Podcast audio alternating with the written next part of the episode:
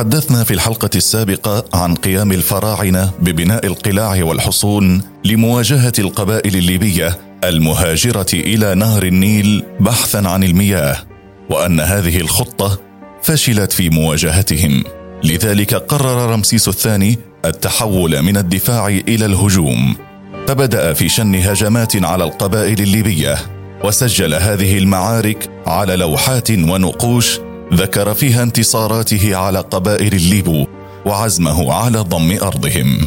لكن هذه العمليات فشلت هي الأخرى فوصلت القبائل الليبية إلى الوجه البحري من مصر ودمرت قلاعه واستولت على محاصيله. بعد ذلك أنشأ ميريه زعيم قبيلة الليبو تحالفا مع شعوب البحر لمهاجمة مصر.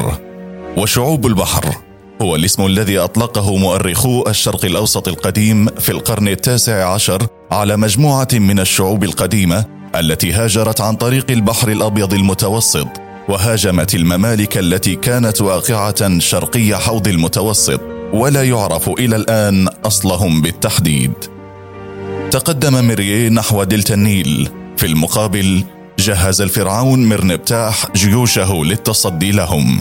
وفي النهاية انتصر الفرعون على التحالف في حرب استمرت ست ساعات فقط وسجل انتصاره بنقوش في معبد الكرنك حيث يقول أحد هذه النقوش سقط الزعيم الليبي البائس ميريي ابن ديد بعد ست ساعات وتخلوا عن أمتعتهم وركضوا بحياتهم.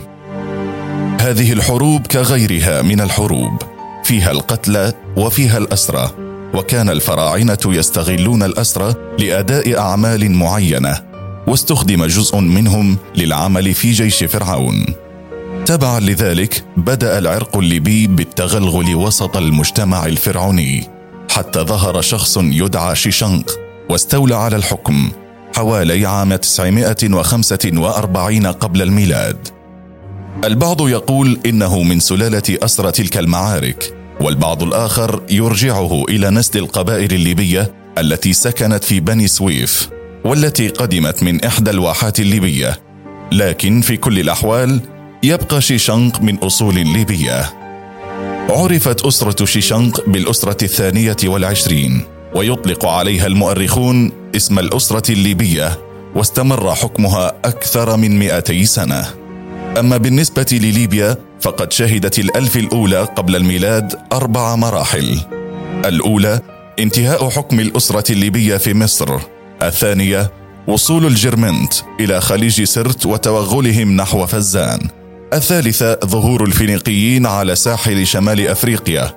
الرابعة وصول الإغريق إلى الجبل الأخضر وتأسيس مدينة قورينا هذه المراحل ستكون محاور جيدة لحلقاتنا القادمة.